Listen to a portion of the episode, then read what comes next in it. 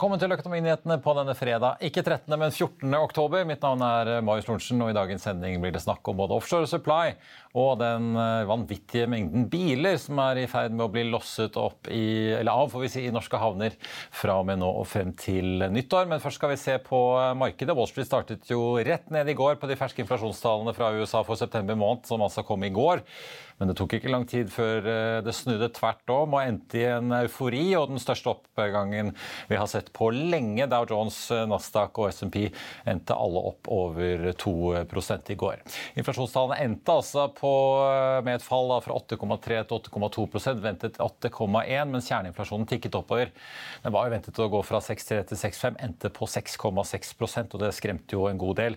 Det da, skal være det største hoppet over tolv måneders Eh, hvis du måler på årsbasis siden august 1982, ifølge CNBC. Og Knut Magnussen i DB Markets mener at det kan hende at Fed ikke nøyer seg med å bare øke renten med 75 basispunkter da, ved det neste rentemøtet. Hovedveksten her hjemme den spratt opp 1,8% fra start i dag og har roet seg litt ned. Ligger fortsatt opp. Nå er vi opp 0,54% til 1128 poeng. Og Fra start i dag så var det bare meglerhuset ABG som var i minus på listen over de mest omsatte aksjene. Nå er de opp 0,4% etter at de altså slapp resultatene sine for tredje kvartal. I rødt så ligger nå imidlertid flere aksjer. Aker BP, PGS, Vår Energi og SalMar er alle i rødt. Ellers så ser listen stort sett ganske grønn ut. Nordsjøoljen har også snudd litt utover dagen. Er nå ned en prosent omtrent til 93 dollar og 60 cent i spotmarkedet etter at vi så priser opp i 95 tidligere i dag. Den amerikanske lettoljen faller litt mer til 88 8-10. Rundt oss i Europa så er det jevnt over grønt i dag, og futuresene på Wall Street peker mot en videre oppgang når markedet der åpner om snaue to timer. Og Apropos børsene i New York, vi får ta med å eh, si at Sidril altså etter planen skal noteres på New York-børsen i dag. De meldte jo om eh, også i går at de søker da å liste seg opp fra Ironix Growth til hovedlisten på Oslo Børs, etter da å ha vært gjennom to runder med Chapter 11. Nå skal vi til Storbritannia, for der har vi rykende ferske rapporter på at noe er i ferd med å skje i den relativt ferske regjeringen til Liz Truss. Det kommer nemlig rapporter fra, om at Storbritannias finansminister Kwasi Kwarteng vil få sparken. Det skriver i hvert fall politisk redaktør Steven Swinford i The Times på Twitter nå fredag ettermiddag. Det formidler nyhetsbyrået TDN. Jeg blir fortalt at Kwasi Kwarteng blir sparket som finansminister ettersom Liz Truss forbereder seg på å reversere reversere minibudsjettet, skriver han i meldingen. Og Ifølge Telegraph så vil eh, statsministeren nå på en pressekonferanse klokken tre lokalt tid si at eh, selskapsskatten i Storbritannia skal settes opp til 25% fra 19% i april. Karteng og Truss har jo fått mye kritikk for å ha laget riper i tilliten til britisk økonomi og eh, hvordan den anses i finansmarkedene, bl.a. fordi de da ville finansiere en god del budsjett- og skattegrep med nye lån. All uroen har jo bidratt til at Bank of England i det siste har måttet intervenere flere ganger grunnet uro i både rentemarkeder og svekkelse i pundet. Og det har også vært rapporter om likviditetsproblemer. Det har allerede kommet rapporter om at uh, britenes finansminister Kvarteng altså har måttet avbryte en reise i USA, og at han nå er på vei tilbake til eh, Storbritannia. Bloomberg har mer om hva man nå forventer av politiske endringer. What is the plan you imagine will come out actually from Liz Truss and her team?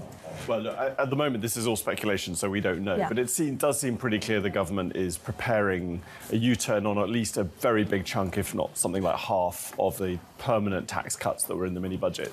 And certainly, if we now, I think, don't get that U turn, then I think markets will react very negatively because we're already seeing that starting to be priced in. First, yesterday, when the rumours broke, and then this morning, when it was confirmed that Kwasi Kwarteng was flying back from Washington. I think that markets are looking for something that is, as I say, on the order of at least half of what was done.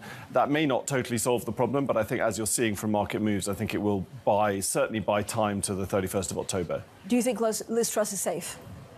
Well, I don't, uh, predicting British politics from month to month at the moment is a little bit difficult. I certainly think that this is the wise move for the government, both on an economic and political front. I think, given the situation they're in, yeah. acting early to stem the bleeding in markets, regain some stability, yeah. definitely buys them some time. And I think that's the best you can hope for at the moment.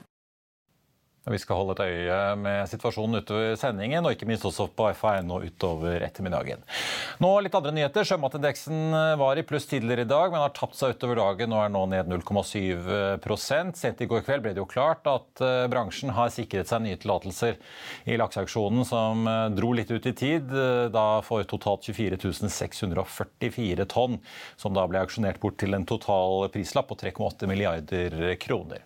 Det var 22 aktører som kjøpte kapasitet, men det lå fortsatt igjen litt over 8000 tonn på bordet da auksjonen var over. Og uh, I Børsmorgen i morges så fortalte jo Carnegies sjømatanalytiker Philip Scrace at uh, beløpet på 3,8 milliarder er omtrent 5,2 milliarder lavere enn eh, det som var ventet før skattepakken altså kom på bordet. Han poengterte også at ingen av de store børsnoterte sjømatselskapene deltok i auksjonen, og at interessen for å kjøpe tillatelser i de to nordligste regionene i landet var mildt sagt skranten. Så det er tydelig at investeringsfrysen i bransjen den gjelder i stor grad fortsatt. Du kan se hele intervjuet ved å klikke deg inn på fa.no-tv. Og Innen sjømat har Grieg Seafood kommet med en oppdatering på tredje kvartal. De slaktet 22.900 tonn. og Det er jo da også melding, eller det kom også frem i meldingen at oppdrettskostnadene i Canada ble påvirket av biologiske utfordringer der. Der endte kostnaden på nesten 78 kroner kiloen, til sammenligning med Rogaland og Finnmark, hvor de endte på 51,80 og 48,10. Meglerhuset ABG er ute med sin tredje kvartalsrapport. De pleier å være tidlig ute. De hadde inntekter på 303 millioner i tredje kvartal. Det er ganske kraftig ned fra 561 på samme tid i fjor. Bunnlinjen den eh, falt fra 171 helt ned til 27 millioner kroner. Inntektene fra M&A og rådgivning fikk seg en god trøkk, og den aksjen er jo ned 30% hittil i år. Tikker nå litt opp 0,7% har svingt litt rundt null i dag. Får også ta med Hexagon eh, Composites eh, er ned 0,3 i dag. De kutter jo i guidingen sin. Purus, spin dette spin-off-selskapet som nå i ettermiddag melder om at de har inngått en avtale om å levere hydrogen gjennom infrastruktur i Europa. De er opp 8,8 Borr Drilling meldte etter børsslutt torsdag at de selger jackup-riggen Gyme for 120 millioner dollar og skal bruke midlene til å dekke gjeld. Den aksjen tikker oppover et par prosent. La oss i Finansavisen hjelpe deg med å holde deg oppdatert på alt som skjer i finans og næringsliv. Hver morgen er jeg, Marius Lorentzen, og aksjekommentator Karl Johan Målnes på plass i studio for å ta tempen på dagens marked i Børsmorgen. På ettermiddagen oppsummerer vi alt du trenger å vite i økonominyhetene, og så får vi selvfølgelig besøk av masse interessante gjester. Du finner oss på fa.no-tv eller ved å søke opp Børsmorgen og Økonominyhetene der du hører på podkast.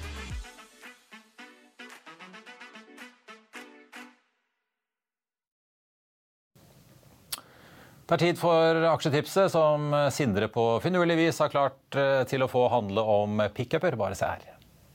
Bank of America har plukket sin favoritt i elbilsektoren og ser 140% oppside. Det er fredag, og dette er aksjetipset. Ford har begynt å pumpe ut sine ferske elektriske pickuper Ford F150 Lightning. Flere youtubere har begynt å teste bilene, og flere er misfornøyde over rekkevidden når man har tunge ting på lasteplanet. Betyr det at du skal dumpe Ford-aksjene dine? Ikke nødvendigvis. Ford leverte nesten 2000 elpickuper bare i september, og nesten 9000 hittil i år. Det gjør at historien med å være USAs mestselgende pickup fortsetter. I tillegg til salg av elektriske Mustang Mach-E og E-Transit, så tredobla Ford salget av eh, de elektriske modellene sine sammenligna med fjoråret. Og det er sånt analytikerne liker. John Murphy i Bank of America han har satt eh, sitt kursmål til 28 dollar. Og Det er 140% over kursen i dag, etter at Ford-aksjen har falt 40% hittil i år. Da skal vi ta unna et par Equinor-nyheter som har kommet. Sendt i går kom meldingen om at Peregrino fase 2-feltet nå er i produksjon i Brasil. og Det skal jo da forlenge levetiden på Peregrino, som er blant Equinors største utenlandsfelt frem til 2040, og legge til mellom 250 og 300 millioner fat olje. Oppstarten er nesten to år forsinket fra den opprinnelige planen på slutten av 2020 grunnet pandemien og at man måtte ta ned antall arbeidere ganske kraftig i prosjektet underveis, bl.a. for å holde seg innenfor for smitteregler. og eh, Likevel mener Equinor at de skal klare å holde seg innenfor budsjettrammen på 3 milliarder dollar. Peregrino fase 1, altså den opprinnelige delen av feltet, ble jo restartet i sommer. Og Der var det jo en overhaling som også ble påvirket av pandemien og også tekniske problemer, rust og annet. Men satsingen i Brasil den er på ingen måte over, selv om Peregrino 2 nå er i drift. I 2024 regner man med oppstart på Bacalao-feltet, tidligere kjent som Carcara, og neste år så skal man ta investeringsbeslutningen på det som foreløpig heter BMC 33. En annen nyhet som er svært aktuell gitt dagens gjest, er at Equinor tildeler fem rederier kontrakter på 2,5 milliarder kroner inklusiv opsjoner for eh, supply-båter. De seks forsyningsfartøyene vil bli drevet av eh, Simon Møgster Island Offshore, Eidesvik Remøy og PF Skansi Offshore. Og kontraktene starter ved utgangen av året og kan løpe da inntil seks år. Alt gjelder på norsk sokkel, og i tillegg så har Equinor forlenget en kontrakt med Island Offshore for fire år for Island Clipper et forsyningsfartøy som da har vært brukt på Oseberg. Og nå skal tas i bruk på Hywind Tampe. Velkommen til oss, Jesper Schong, analytiker i Fearnley Offshore. Takk for det.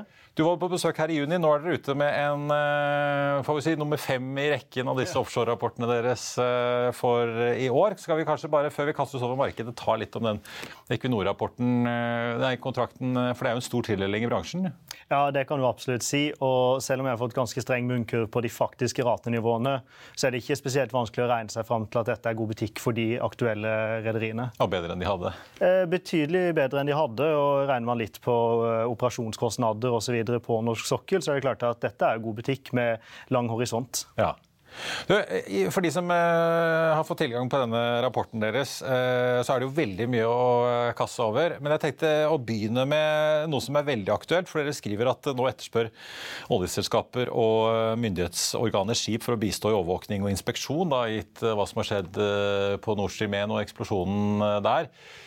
Eh, hvor mye påvirker det et marked som allerede har begynt å våkne? og Da du var her i juni, så snakket vi om at det var ganske mye positivt momentum eh, allerede. Nå har vi fått måte, det sikkerhets- og beredskapsaspektet på toppen. Ja, ja det stemmer. og det, altså, du kan si at Isolert sett så er det jo ikke snakk om et voldsomt volum med fartøy.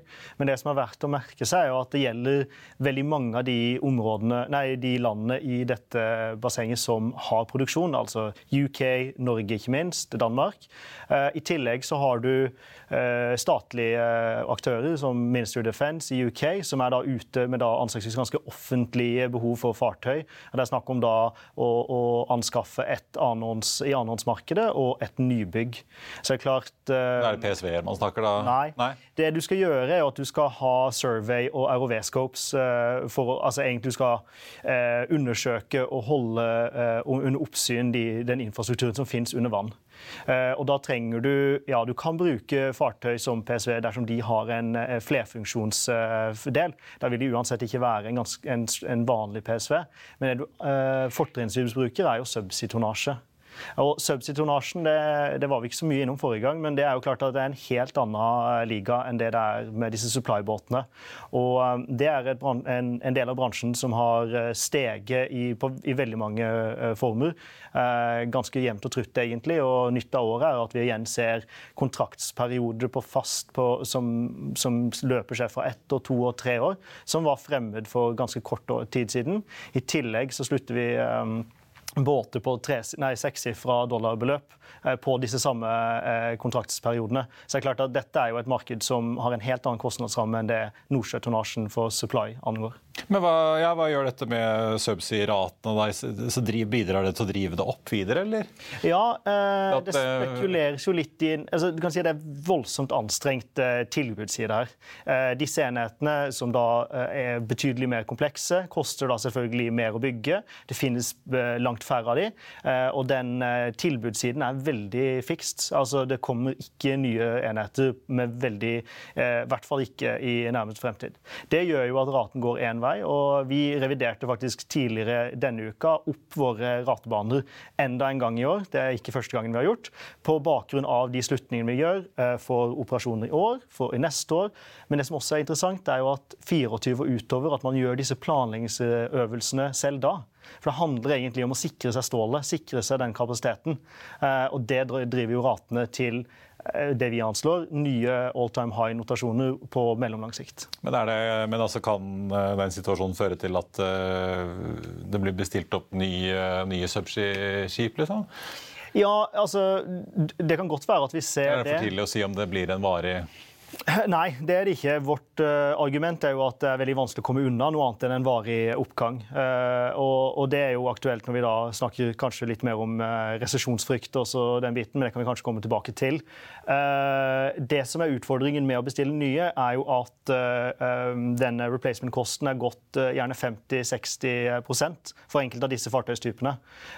det i et markedsmiljø hvor du ikke har tilgang på bankgjeld hvor du har en, eh, det som mange opplever som en uoversiktlig investeringshorisont. Disse enhetene har gjerne 30 års kommersielt levetid, og det å investere i olje- og gassfartøy eh, som skal Leve handle til 2052, det, yes. ja. eh, Spør du meg, så kunne det vært interessant. Og det er klart at eh, en fordel som disse enhetene har, i langt større grad enn PSV og ATS har hatt fram til nå, eh, er jo at de har hatt et ekstra bein å stå på inn i fornybarsegmentet. Mange av de samme enhetene som for å komme litt tilbake igjen til det originale spørsmålet, som nå er aktuelle for Survey og ROV Scopes, har jo nettopp drevet med Survey og uh, UXO clearance, altså å fjerne ueksploderte gamle torpedoer og miner fra verdenskrigene. Og, og, og, har drevet generell støttefunksjon inn mot uh, havvindsatsingene. Så de har jo hatt relativt høy utnyttelsesgrad, selv gjennom lave aktivitetsnivåer for olje og gass. Uh, dette er nå på vei, eller har allerede snudd, og vi snakker om et utsolgt vintermarked. Ja. Men det potensielt da ganske bra langsiktig segment gitt at de både kan drive med bygging av subsidiefelt, inspeksjon for eh, myndigheter som er nervøse for Putin, og havvind. da. Absolutt. absolutt. Du kommer egentlig ikke unna det her at behovet for energi være seg olje, gass eller fornybare av slagset, det er vedvarende høyt. og eh, det du egentlig skal gjøre, om du skal Du kan være uenig om hvor mye vi trenger en, av, av, de forskjellige typene i energimiksen i fremtiden, men at vi trenger energi generert fra offshoreanliggende, det er vanskelig å komme unna. Og da er uh, subsea-konstruksjonsfartøy uh, Så avgjort. gull å ha. Du, dere skriver at dere forventer 28 flytende produksjonsenheter uh, tildelt da, fra, fra olje- og gasselskapene de neste par årene. FPSO-er, som det så fint heter på bransjespråket. Her hjemme på norsk sokkel er vel Wisting mm. den store bøtten, sevanbøtten som vi i hvert fall får. I hvert fall i den kategorien. Castberg-skipet er jo også på vei. Mm. Men hva kan dere si, eller hva ser dere hos oljeselskapene når det kommer til investeringsvilje nå? Litt som du var inne på, Det er ikke så mange banker og investorer som er sånn kjempeinteressert i å sette penger i hvert fall på lang sikt i denne bransjen. Det hører man jo, men, men er oljeselskapene, har deres investeringsvilje endret seg nå? sånn i det store? Ja, altså For å ta det med FPSO, så er det klart at det er nye kontrakter og det er et anslag. Så, så det i seg selv forteller jo en ganske øh, blomsterfylt historie om øh, oljeselskapenes øh, investeringsvilje. Det å tildele ja, det blir jo tett opp mot 30 nye kontrakter for, for denne type utbyggingsformer, det er jo tett på historisk i seg selv. Så er det klart at selve offshoreperiodene det kommer jo da i etterkant av dette. Men man skal ikke glemme at det var også tildelt ganske betydelig mengde med nye FPSO-kontrakter eh, i 2020, 2019, 2018 osv. som nå skal oppankres og igangsettes. Og det skaper jo gener... Typ da Johan Castberg? For eksempel. Ja. Yes, veldig godt eksempel på det. Uh, også når det snakker om investeringsviljen til oljeselskapene, så er det klart at de, for å ta litt sånn vel billedlig språk, de bader jo i penger. De har jo omtrent aldri hatt mer eh, cash på hånd. Og hva de skal gjøre med dette, det er jo det som blir eh, spørsmålet. Um, den... ja, for det er på en måte Makroøkonomisk så frykter man jo at verden går inn i en resesjon en eller annen gang, kanskje tidlig neste år. IEA og OPEC er ute denne uken og har skrudd ned sine etterspørselsprognoser mm. på oljen, eh, begge to. Samtidig mm. så pengene renner inn som bare det. Ja, eh, og, er, og det skal være en liten sånn eh, på forhånd. På ingen måte noen makroøkonom. Jeg er snevert opptatt av en veldig liten nisje i den maritime bransjen. Men du kan si at jeg har jo nevnt allerede, behovet for energi. Altså, det vedvarer. Og det du skal gjøre med veldig mye av disse investeringsprosjektene, det er jo å erstatte fallende eh, produksjon. For Man skal ikke glemme det at eh, hvert år så faller verdens eh, olje- og gassproduksjon med omtrent 7% Så investering som må til bare for å opprettholde den Vi snakker ikke videre vekst, kun for å opprettholde den er betydelig. Um, og så er det den realiteten som biter en del uh, nasjoner i, i, i bakenden nå, uh, er jo at uh, mangelen på investering og et politisk styrt fornybarfokus gjør jo at man da brått har utfordringer med nok strøm, nok energi. og så Altså, eh, Ørsted for eksempel, ikke at det skal henge ut i, men Ørsted var jo en rebranding av det gamle Danish Oil and Natural Gas, det litt mindre kledelige Dong, som det da het. Ehm, det har nylig blitt eh, tvunget til å åpne olje og gass, nei, ja, olje og, gass og til og med kullkraftverk av, bestemt av den danske stat. Litt som Equinor må holde liv i gasskraftverket på yes. Frem til neste sommer i hvert fall. Ja. ja. og så Når man da diskuterer dette med, med resesjon, så er det klart at um, du kommer ikke unna det behovet for energi. Uh, så du, de, de, prosjektene som, som, vi ser på som sannsynlige, de er ganske godt robuste i det makroøkonomiske miljøet. Og break-even-raten for de aller fleste store aktører på norsk sokkel, men også for øvrig, er gjerne ned på 30-40 dollar fatet. Så om olja nå er 90 eller 80 eller 70 til og med, så er det klart at økonomien er enormt robust. Men det er ikke noen stor økning i, i investeringsviljen og planene? Sånn som det fra det dere ser da, foreløpig? Jo, jo. Ja. Altså, eh, det som skjer, altså en eventuell resesjon neste år, eh, det vil vel egentlig ikke nødvendigvis påvirke eh, infrastrukturprosjekter som har 30 års levetid, tenker vi.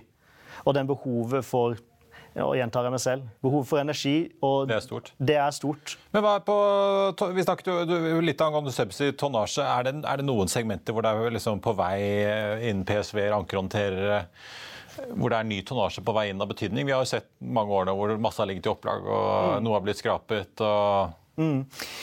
Du kan si at eh, Man hadde jo en enormt uh, oppblåst ordrebok uh, i, i, mange år etter siste boomen. Uh, mye av det var bestilt på spekulasjon, og, og, og veldig vanskelig å se hvordan verden skulle komme til en balanse igjen med dette, denne spøkelsesflåten hengende over seg. det, vi får, det vi nå har sett fra da et hovedsakelig kinesisk bygd ordrebok, er jo at 80% av denne spøkelsesflåten nå er borte. Mm. Og de resterende 20% er til stadighet øh, øh, øh, frekvent, altså, disse eh, frekventerer som veldig aktuelle eh, kandidater for, eh, for, lokale aktører. Coec eh, bl.a. Er ute med behov for, for tre ankerhåndterere som, for, for, mange år, som et eksempel. Og det er klart at De enhetene som plukkes opp av det lokale kinesiske markedet, de kommer ikke til det internasjonale. Videre så ser du jo forskjellen på høyende og lavende tonnasje, eller høy kapasitet og lav kapasitet. Og se, fokuserer man kun på de med stor kapasitet, gjerne 4500 dødvekttonn, så har det jo aldri vært flere av disse som har vært i arbeid.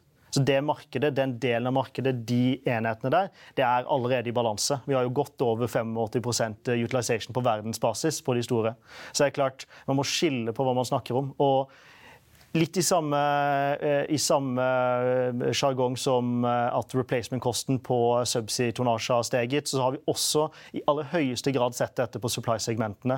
Skal du bygge en ny enhet à la de som Equinor plukket opp som annonsert i dag, så må du gjerne ut med 40-50% mer enn det det kosta i 2014 eller 2013. Ja, det er såpass, ja. ja. Og igjen, bankenes glimrende med sitt fravær. Ja, de, mange, av de, mange, av de, sitter jo fortsatt i noen restruktureringer inkludert Doff, som vi uh, kanskje får en avklaring på nå i starten av uh, november. Uh, litt til slutt, Si litt om, om havvindsegmentet. Nå har vi sett både Seaway 7, spin-offen og Subsea 7 og Cadeler denne uken kjøre emisjoner. Mm. Hente inn friske penger. Samtidig så sliter jo en del av Siemens Gamesa og Vestas som er ganske skrantende marginer om dagen. Mm. samtidig som også alle snakker om at har man gode prosjekter, så er det ikke måte på hvor mye penger man kan skaffe til vei for å bygge fornybarprosjekter. Men sånn for da disse aktørene som driver innenfor havvind eh, i offshore, eh, hvordan ser det ut for dem nå fremover? Vi, kan si, eh, vi, vi er jo godt inne, innom dette i rapporten vår. Så, og det, det, det, politiske ambisjonsnivået er jo én ting. Topplinjevekst er jo én ting. Men som du sier, hvordan går det egentlig med disse selskapene? Og de fem største turbinprodusentene, f.eks., de klarer jo ikke å tjene penger. Uh, og I et eksplosivt booming market så ser du layoffs, at man, uh, man sier opp et, uh, et, et, flere tusen ansatte. og det er jo dramatisk. Eh, for eh, de segmentene som vi betjener, så er det klart at eh, vi, vi er mest opptatt av behovet for tonnasje. Og den, de ambisjonene som ligger der, og de utbyggingsplanene som ligger der, det skaper jo et enormt behov for tonnasje. Men man må like... Sånn som IVS, som har skip under bestilling? Og... Ja. ja. Ja, De har jo mange skip under bestilling, eller flere skip under bestilling, men utfordringen for jeg ønsker ikke å single ut de, men nå nevnte du de, er jo dette med leveransen av avanserte systemer som skal om bord. Fra gangveier til andre ting, som gjør at eh, skipet får en eh, mindre enn komplett Eh, ja, De tekniske installasjonene? Ja. ja. Eh, vi har hatt besøk av eh, SOV-er her i byen, til og med. Som igjen, jeg vil ikke henge ut noen, men det var Jeg kan si det, for jeg var jo så på Edda Breeze da det lå, lå ned ja. på kaien på Akershusstranda. Ja. Du mangler jo noe på dekk der, ja. men hun er på ingen måte alene. Dette gjelder flere aktører. Det er en bransjeutfordring, så det går egentlig fra, gjennom hele næringskjeden. Egentlig det motsatte av det som er tilfellet i offshore for øyeblikket, hvor du har tilgang på utstyr, tilgang på stål, tilgang på spare parts. Eh, så, så, og da er det jo klart at eh, du skal konkurrere. altså Energien fornybar eller olje og gass skal jo konkurrere og skal jo prises inn på et fornuftig nivå for å være konkurransedyktig. Det blir vanskelig når du får disse sprekkene til stadighet. Jesper Song, eh, analytiker i Fearnley Offshore Supply, tusen takk for at du kom til oss. Hele rapporten får du da hos Fearnley hvis du er interessert. Så skal vi selvfølgelig følge med på både havvindsektor og offshore supply videre også. Vi skal straks få inn Håkon Sæbø i studio for en bilprat, men først skal vi bli med Håkon til Drammen. For kampen mot momsklokken er i gang for mange elbilkjøpere og elbilforhandlere. Bare se her. Tusenvis av nordmenn eh, venter på sin eh, nye bil, og eh, nå begynner det å haste med å få bilen hvis man skal rekke å få den før avgiften legges på ved nyttår. Vi står her med Bjørn Svenningsen i UECC, som er et rederi som bringer disse bilene til Drammen havn. Og kan ikke du fortelle litt om hvordan aktivitetsnivået er nå i fjerde kvartal? Nå ser vi at aktivitetsnivået eh, begynner å ta seg eh, veldig opp, og vi forventer at eh, det kommer til å være slik helt mot slutten av året. Vi har satt inn tilleggskapasitet for å sørge at vi får levert våre kunder sine biler før avgiftsendringene fra 1.1. Mm. Så det ligger an til å bli mange biler som kommer ganske tett på hjul? Det ligger an til å bli veldig mange biler som kommer tett på hjul. Dette er jo ett av tre skip som kommer inn til Norge i uh, uken.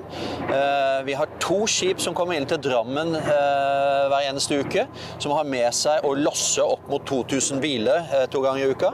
I tillegg så har vi et skip som går inn til Oslo to ganger i uka, som også losser biler der. Så aktivitetsnivået i Norge er høyt, men det er det også andre steder i Europa. Mm. Hvilke bilmerker snakker vi om? Nei, Vi transporterer alle slags eh, bilmerker inn til uh, Norge. Uh, det er noen få som ikke vi har, men vi har en veldig balansert portefølje av europeisk produ produserte biler. Biler som har blitt produsert overseas, liksom i USA, Kina, Japan. Som da kommer inn til Europa med oversjøiske, eller deep sea-skip som vi kaller det.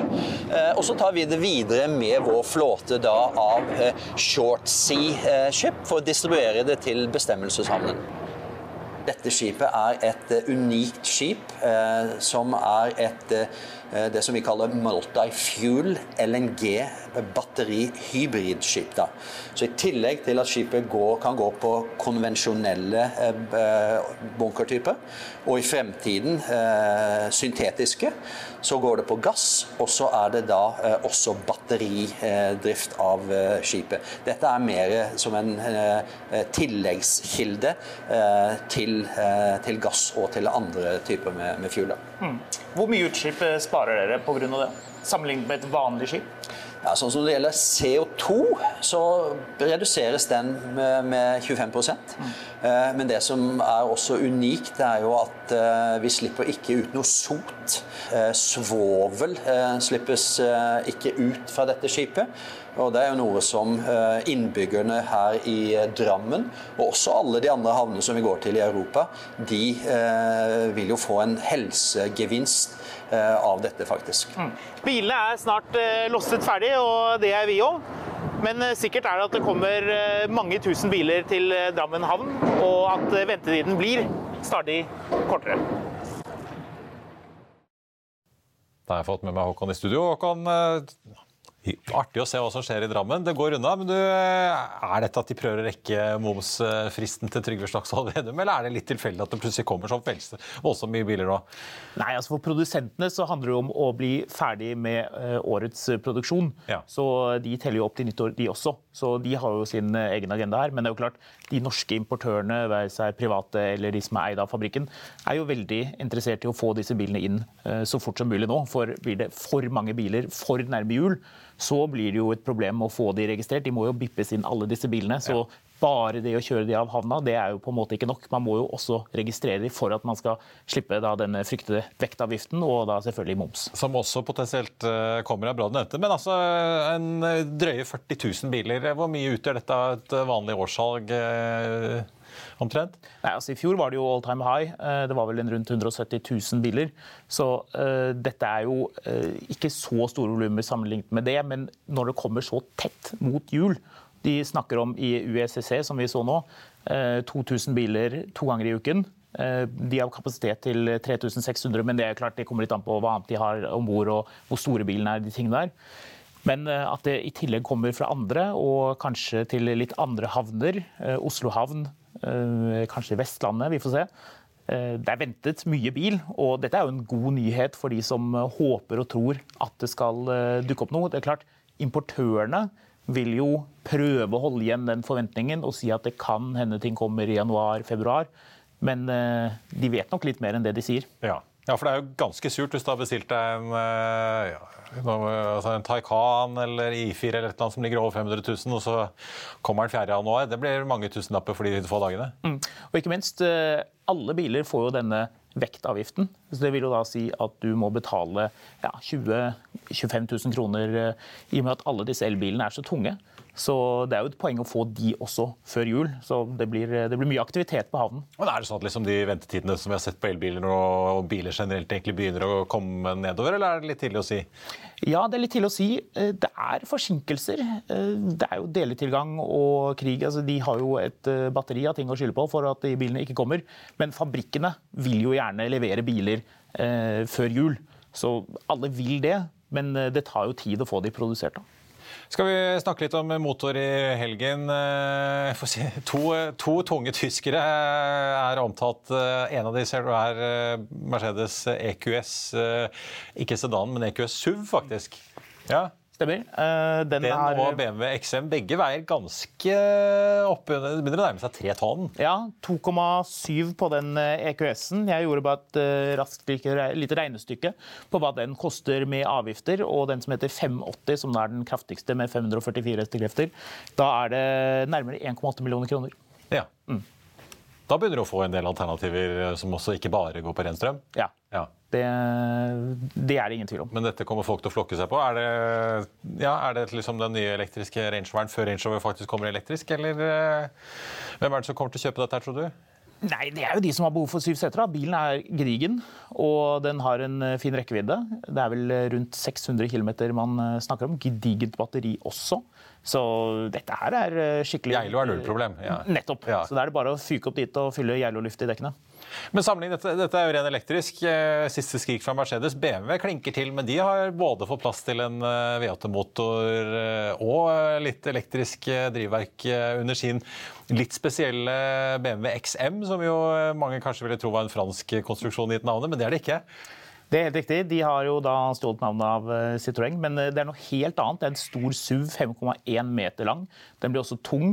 Så den har jo da konsernets 4,4 eh, liter V8, men en elmotor i tillegg. 653 hestekrefter. Og de varsler at det kommer igjen med over 700 hestekrefter også litt senere. Og det er for de som vil være aller kuleste i gata og ja, ellers shopper hva da? Gelendevagen og Bentley Bentayga? og ja, eh, Prisen er kanskje ikke så ille. 2,1 millioner kroner. Spørs litt uh, hvem man spør, da. Men uh, den, den, blir jo heftig, og den blir stor. Primært ment mot USA og Midtøsten. ja, de stedene hvor man liker den typen size. Kanskje ikke helt sånn europabil, men den blir jo ladbar, da. Ja. Ja, så det blir den første M-bilen som blir ladbar. Opp mot 88 km elektrisk rekkevidde. Det er jo ikke noe fantastisk for oss som elsker elbiler, men ja. Det, du kan i hvert fall surre rundt i Oslo sentrum eh, hvis du fortsatt tør det elektrisk. Men eh, det store spørsmålet for Fiffen er jo da får du vrengt denne opp foran Gaiastova i påsken, eller må du vente litt til? Eh, påske, ja. Hvis du har bestilt den for lenge siden, da den først eh, ble presentert, så kan nok påske muligens være realistisk. Eh, men med leveringsproblemer. Vi får se. Eh, ellers så tror jeg det er levering mot høsten, faktisk. Ja. Jeg er litt usikker på det. Det må man sjekke.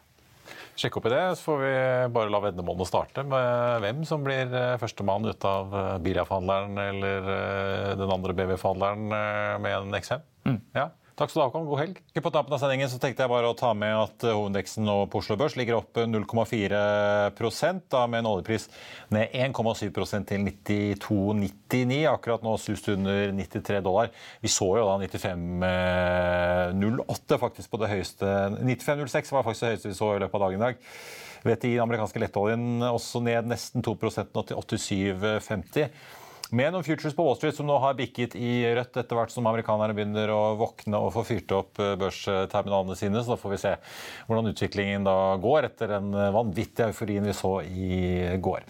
Et par aksjer som er verdt å ta med seg på vei inn i helgen. Hexagon Composites ned halv prosent etter at de da kutter guidingen sin på EBITDA-en for året. Spin-off-datterselskapet Hexagon Purus opp nesten 6% kom inn en børsmelding om hydrogenarbeid på kontinentet. På Drilling som har solgt unna en rigg, ned 0,2 Ellers det har vært å ta med seg Nell, som er nå opp 2,5 til 10,75. Carnegie kutter i kursmålet fra 14 til 10 kroner nå, og gjentar da en hold-anbefaling på den aksjen. Ellers er jo Tomra, som Arctic har tatt fra 180 til 160, nå på 167,76, opp 3 i dag. En aksje som jo har slitt Eh, mye over en god periode. På listen over de mest omsatte aksjene så er det litt flere røde kandidater nå. Equinor, eh, PGS og Aker BP og Vår Energi alle ned. PGS ned 6,3% Det er så verdt å merke seg Hydro, som fortsatt tikker oppover 1,9% etter en kraftig oppgang i går. da på rapporter om at Det hvite hus vurderer å kjøre en embargo på russisk aluminium, som jo vil påvirke Hydro utvilsomt, og andre globale aktører innen aluminium. SalMar eh, ned 3,3% i dag. Movi ned 0,7 av dagen etter at disse lakseauksjonene ble gjennomført. Og så er det fortsatt sånn at det eh, kommer rapporter fra Storbritannia om at den eh, britiske finansministeren ser ut til å være på vei ut. Og nå ser jeg at TDN faktisk melder at Kwasi Kwarteng selv, altså den britiske finansministeren, bekrefter at han trekker seg som Storbritannias eh, finansminister. Det skal han da skrive på Twitter nå på ettermiddagen. Så får vi følge med på eh, markedene, i hvert fall i forkant av dette her. Så har jo da både gilt-markedet på statsobligasjoner og eh, andre nøkkelindikatorer begynt å røre på seg da i påvente av at man forventer at Liz Truss, statsministeren, ikke bare vil bytte ut finansministeren, men også reversere og ta usving på en del av de politikkgrepene som ble lansert. Bl.a. selskapsskatten og en del andre skattegrep som ble tatt. Mer om det får du på FA1 utover ettermiddagen. Så får jeg bare si at i Finansavisen i morgen så kan du lese Trygges leder om at om holdt jeg på å si, Gunnhild Stordalen og hennes jordbruk. Du kan lese om Europris, som er ukens aksje. Og så ropes det varsko over gjelden i PGS. Det blir børsintervju med Jakob West Christensen i, i Toro. Og så blir det selvfølgelig masse bil, vin og annet helgestoff. Og Det var det vi hadde for deg på denne fredagen. Tusen takk for at du så på. Mitt navn er Marius Lorentzen, og vi er tilbake igjen med Børsmorgen på mandag 08.55. Da får vi besøk av Thomas Nilsen i First-fondene. Og så får vi besøk av konsernsjefen i Kongsberg Gruppen klokken 14.30 i Økonominyhetene. I mellomtiden så ønsker alle vi her i Finansavisen deg en riktig god helg. Takk for nå.